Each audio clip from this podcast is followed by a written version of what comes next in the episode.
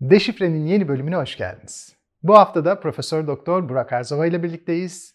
Yayınlarımızı her zaman olduğu gibi Satoshi TV'nin YouTube kanalından ve Satoshi Radyo'nun podcast yayınlarından takip edebilirsiniz.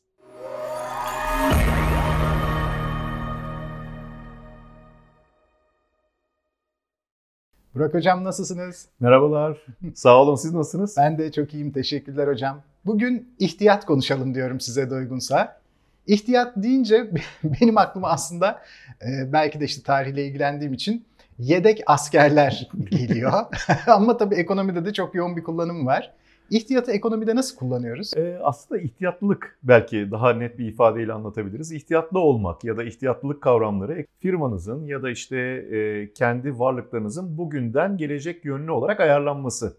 Bunu işletme bilançolarında ihtiyat yedek akçeleri adı altında görebiliyoruz ya da işte gene firmaların bilançolarında ayrılan karşılıklar, e, şirket çalışanlarının emekli olacakları günün hesabının bugünden yapılabilir yapılarak ya da ileride emekli olmasının dışında şirketten ayrılabilecek olanları da hesaba katarak mesela kıdem tazminatı karşılıklara ayırmak bir ihtiyatlılık.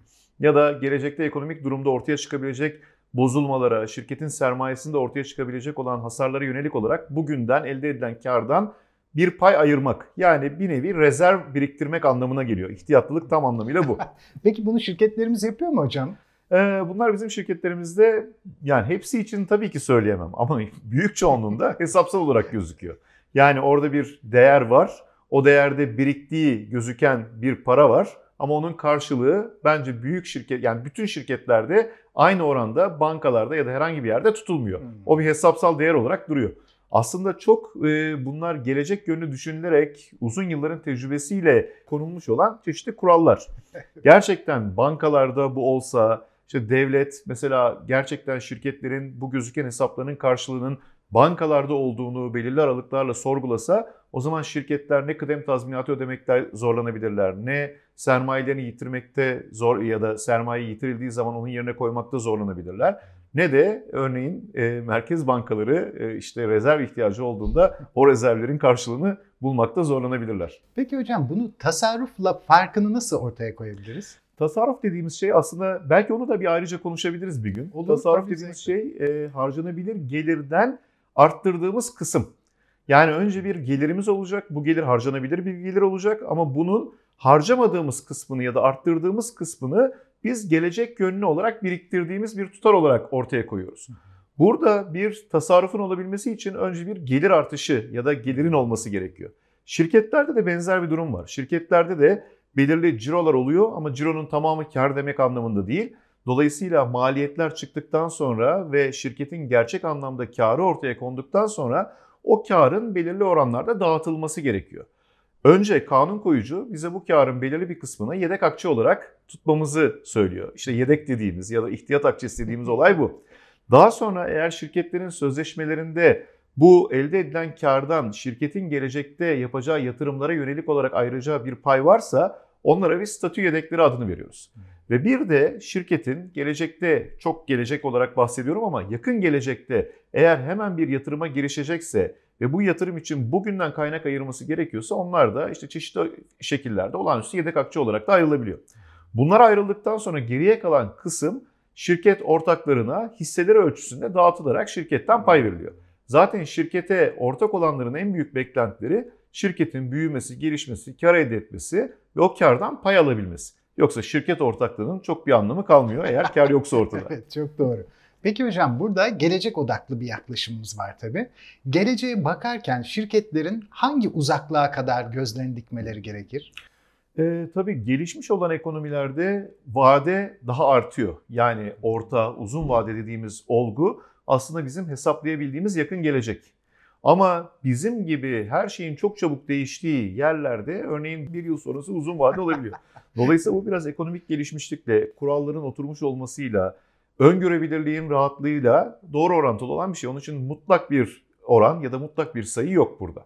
O zaman çok ilginç bir ironik durum var hocam burada.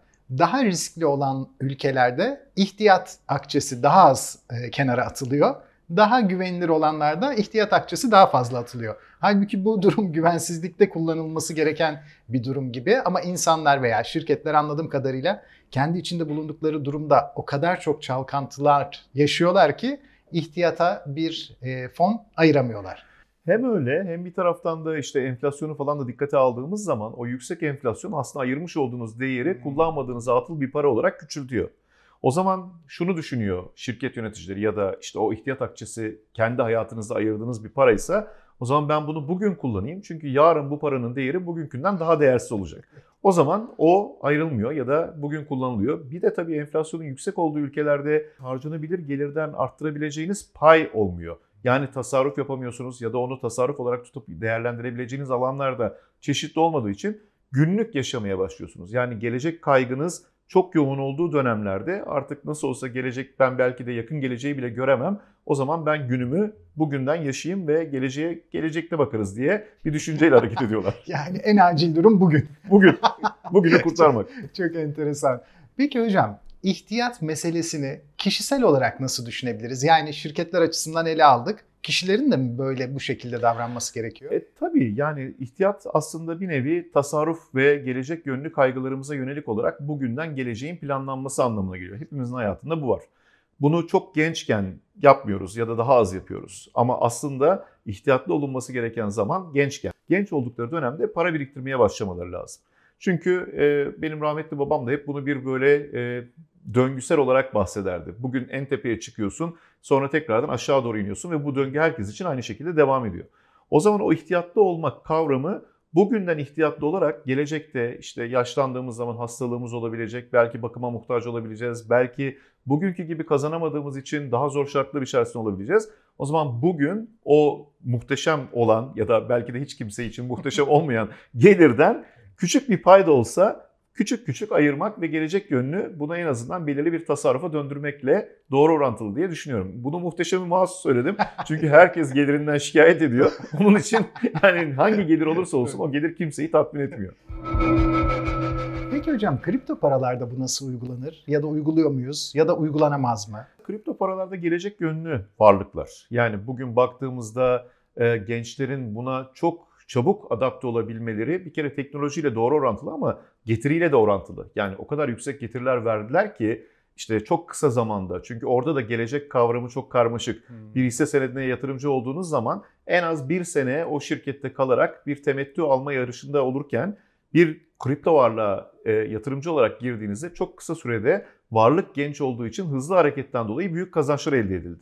Şimdi tabii bir parça özellikle ihtiyatlı olunması gereken dönemlerden geçiyoruz. Çünkü dünya ekonomisi farklı bir yapı içerisinde birçok şeyi ilk defa test ediyoruz. Özellikle kripto varlıklar açısından daha temkinli, daha e, belki yoğurdu üfleyerek yemek tarzında biraz daha dikkatlice yaklaşabileceğimiz ama gene de tasarruflarımızın içerisinde olması gereken çünkü gelecekte, yakın gelecekte bize o tasarruflardan tekrardan bir varlığa dönüşebilecek, unsura gelecek dönemleri yaşıyoruz. Ama gene de ihtiyatlı olunması gereken bir dönemdeyiz. Peki bu ihtiyatla hocam kripto varlıklar arasında bir sepet oluşturmayı mı kastederiz yoksa yani alım satımda daha çok beklemeyi mi ya da daha hızlı alım satmayı mı?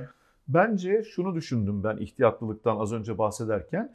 Aldığımız kripto varlığın düşen değerini hemen elimizden çıkartarak o zararı ortak olmamayı düşündüm.